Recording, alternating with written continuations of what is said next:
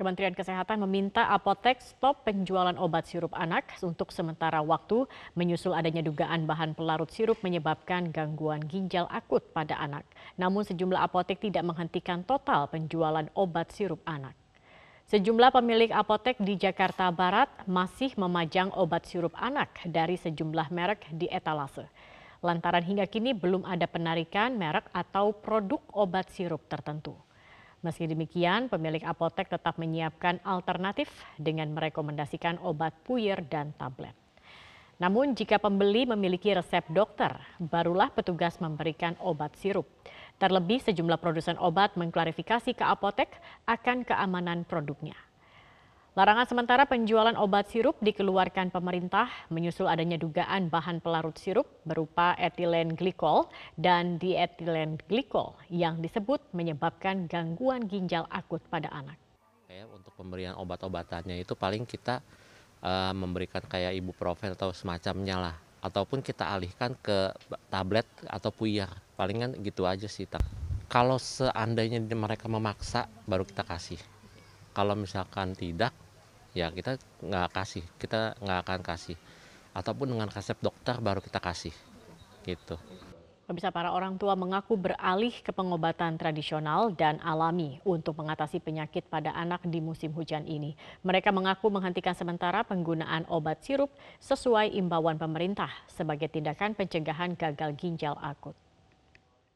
Takut juga, takut ya namanya ini ya udah dengar kayak gitu beritanya. Jadi bingung juga ntar kalau anak sakit diobatinnya pakai apa gitu. Bingung juga jadinya kalau biasa kan emang makainya sanmol ya kan? Cuma kalau udah begini jadi nggak berani pakai lagi. Iya. Uh, udah uh, uh. jadi paling mau nggak mau diurut pakai alami aja. Kalau kita ya mungkin kayak ngikutin orang tua zaman dulu aja ya. Kayak kita kasih obat itu kayak minyak-minyak gitu. Minyak dikasih bawang kalau zaman dulu kan kayak gitu ya kayak gitu ya. iya lebih yang tradisional Pemirsa skenario bohong Ferdi Sambo bahwa Yosua tewas karena adu tembak sebenarnya sudah terbongkar oleh anak buahnya sendiri. Hal itu terjadi ketika anak buah Sambo nonton bareng CCTV yang disita dari sekitar rumah dinas Duren 3. Tapi karena takut kepada Ferdi Sambo, anak buah menuruti perintah Sambo untuk menghancurkan semua rekaman CCTV. Sidang pembunuhan Brigadir Yosua Huta Barat memunculkan fakta-fakta baru tentang bagaimana skenario adu tembak versi Verdi Sambo telah terbongkar oleh anak buahnya sendiri. Dalam sidang dakwaan terdakwa Cuk Putranto terbukti fakta bahwa skenario Sambo terbongkar gara-gara Cuk mengajak nonton bareng isi CCTV. Terdakwa mengajak tiga orang saksi lain. Saksi baik Kuni Wibowo dan saksi Ridwan Rekel Nation Langit secara bersama-sama menonton rekaman CCTV hasil kopian atau unduhan oleh saksi Baikuni Wibowo dan diputar dengan menggunakan laptop milik saksi Baikuni Wibowo. Selanjutnya setelah terdakwa Cuk Putranto bersama saksi Arif Rahman, saksi Baikuni Wibowo dan saksi Ridwan Riki Nelson Soplangit menonton dan melihat isi dari flash disk tentang kejadian yang telah direkam dari CCTV tersebut. Kemudian terdakwa Cuk Putranto berkata, "Bang, ini Joshua masih hidup." Sebelumnya kepada anak buahnya Sambo bercerita Sambo tiba di rumah dinas Duren 3 ketika Yosua telah tewas karena adu tembak dengan Eliezer. Tapi kenyataan dari CCTV yang dilihat terdakwa Cuk, Yosua masih hidup ketika Sambo tiba di rumah dinas. Sehingga klaim Sambo yang mengaku tidak berada di rumah saat penembakan Yosua adalah bohong. Singkat cerita, terdakwa Arif Rahman Arifin melapor kepada atasannya Hendra Kurniawan mengenai fakta kondisi Yosua. Keduanya lalu menghadap Ferdi Sambo. Dan ternyata Ferdi Sambo marah dan mengancam jika isi CCTV bocor. Kemudian saksi Ferdi Sambo SIK MH mengatakan berarti kalau ada bocor dari kalian berempat.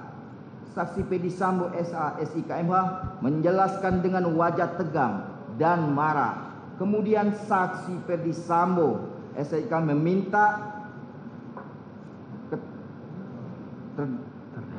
terdakwa Arif Rahman Arifin SKMH untuk menghapus dan memusnahkan file tersebut dengan kalimat kamu musnahkan dan hapus semuanya.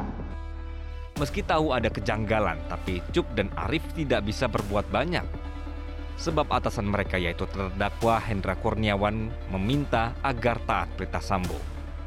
Dalam perkembangannya, flash disk dan laptop yang menyimpan data CCTV dirusak. Data-data CCTV inilah yang menjadi bahan yang harus dihadirkan jaksa dalam agenda sidang pembuktian. Terdakwa Cuk Putranto dan juga Arif Rahman Arifin adalah dua dari tujuh terdakwa termasuk Ferdi Sambo untuk obstruction of justice. Ancaman hukuman yang dijatuhkan sesuai dengan pasal 49 UU ITE adalah 10 tahun penjara. Penyidik di Treskrimum bersama tim Inafis Polda Jatim menggelar rekonstruksi tragedi Kanjuruhan di lapangan sepak bola Mapolda Jatim pada Rabu pagi. Dalam rekonstruksi ini, tiga tersangka dari unsur polisi serta 54 orang saksi memperagakan 30 adegan pengamanan pemain usai pertandingan hingga penembakan gas air mata. Rekonstruksi tragedi kerusuhan Kanjuruhan yang menewaskan 133 orang korban digelar oleh penyidik di Treskrimum dengan menghadirkan tiga tersangka dari pihak kepolisian, yakni Kompol WS, AKP BS, dan AKP H. Rekonstruksi dihadiri langsung oleh Kadif Humas Mabes Polri, Irjen Pol Tidi Prastio, Deputi 5 Bidkor Kamtipmas Kemenko Polhukam, serta Irjen Pol Armed Wijaya, dan perwakilan dari Kejaksaan Tinggi Jawa Timur.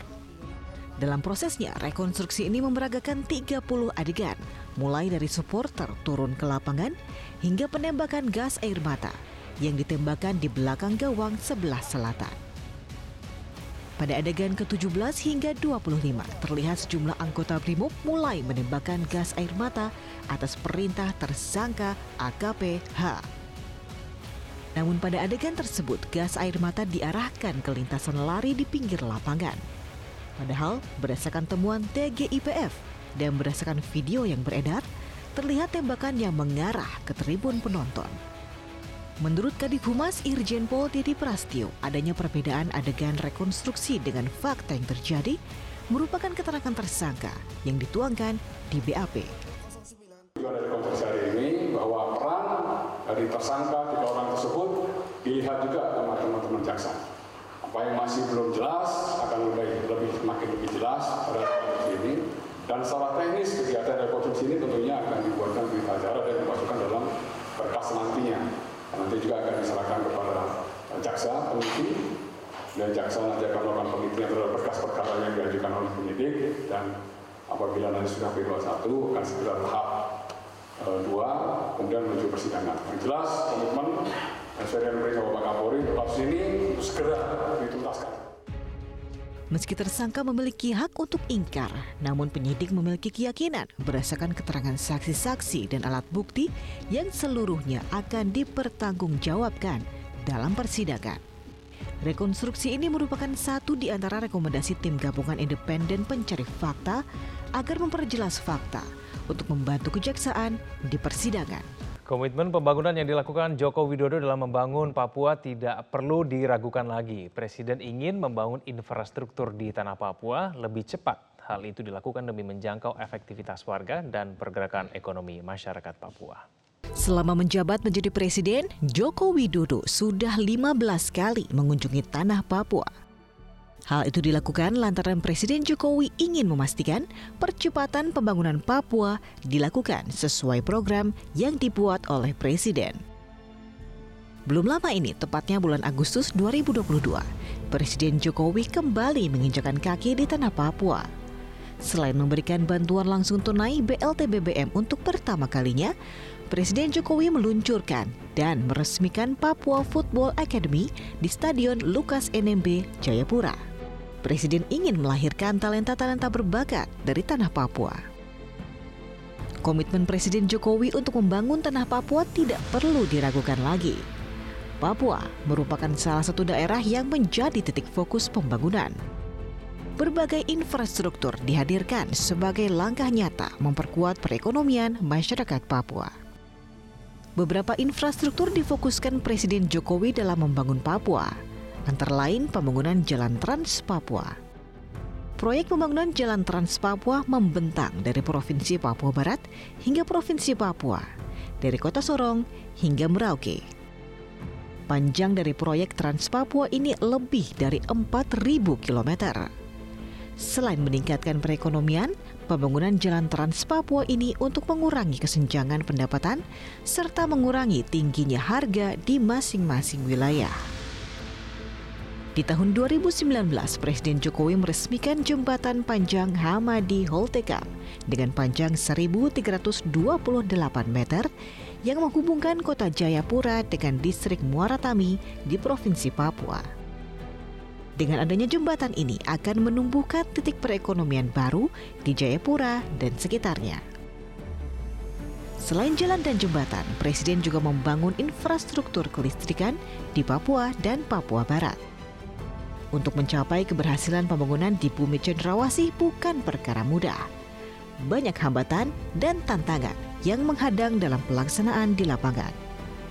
Akan tetapi, pemerintahan Joko Widodo dan Ma'ruf Amin seakan tak pernah menyerah untuk meningkatkan kesejahteraan masyarakat di tanah Papua.